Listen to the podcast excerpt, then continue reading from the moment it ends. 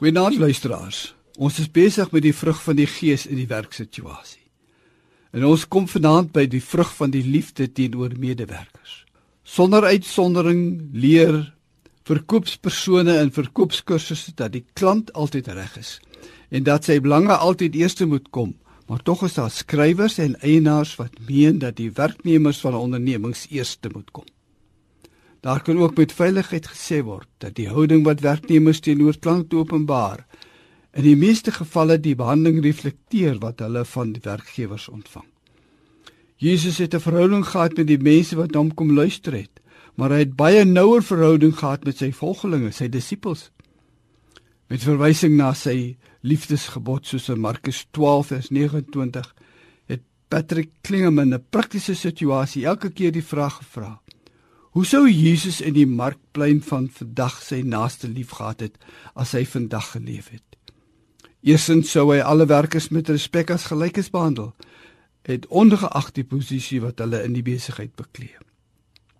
Tweedens sou Jesus vriendskapsbande gesluit het met hulle met wie hy saamgewerk het. Hy het so na aan mense op die markplein beweeg, mense vir wie hy omgegee het dat hulle hom 'n vriend van tollenaars en sondaars genoem het.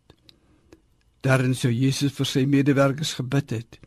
Vierdens sou Jesus openlik sy medewerkers se harde werk en dit waarin hulle geslag het erken het. Byvoorbeeld die nederige offisier wat Jesus gesmeek het om sy slaaf gesond te maak. Jesus was beïndruk deur die offisier se optrede en hy het gesê: "Dit verseker ek julle, ek het nog by niemand in Israel so groot geloof teëgekom nie." Hy het met groot geduld sy disippels wat min geleerdheid gehad het opgelei en aangemoedig en reggehelp sonder om hulle te verkleineer. Laastens sou Jesus sy medewerkers aanmoedig om hulself te ontwikkel, om self leiers te word.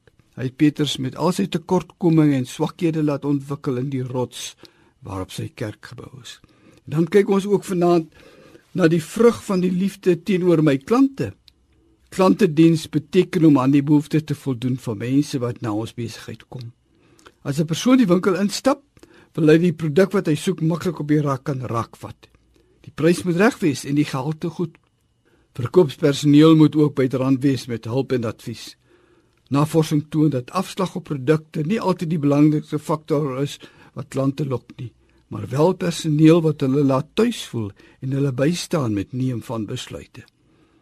In Filippense 2 vers 3 dring Paulus daarop aan dat in nederigheid moet die een die ander hoër ag as homself dat ons nie net aan ons eie belange moet dink nie, maar ook aan die van die ander.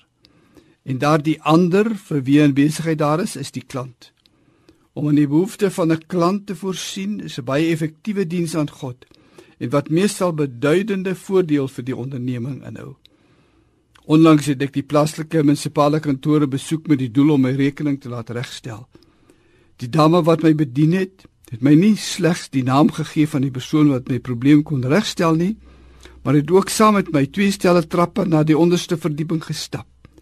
En die persoon daar versoek om aandag aan my saak te gee. Dit het by my 'n diepe gevoel van dankbaarheid opgewek omdat die dame omgegee het vir my en my behoeftes.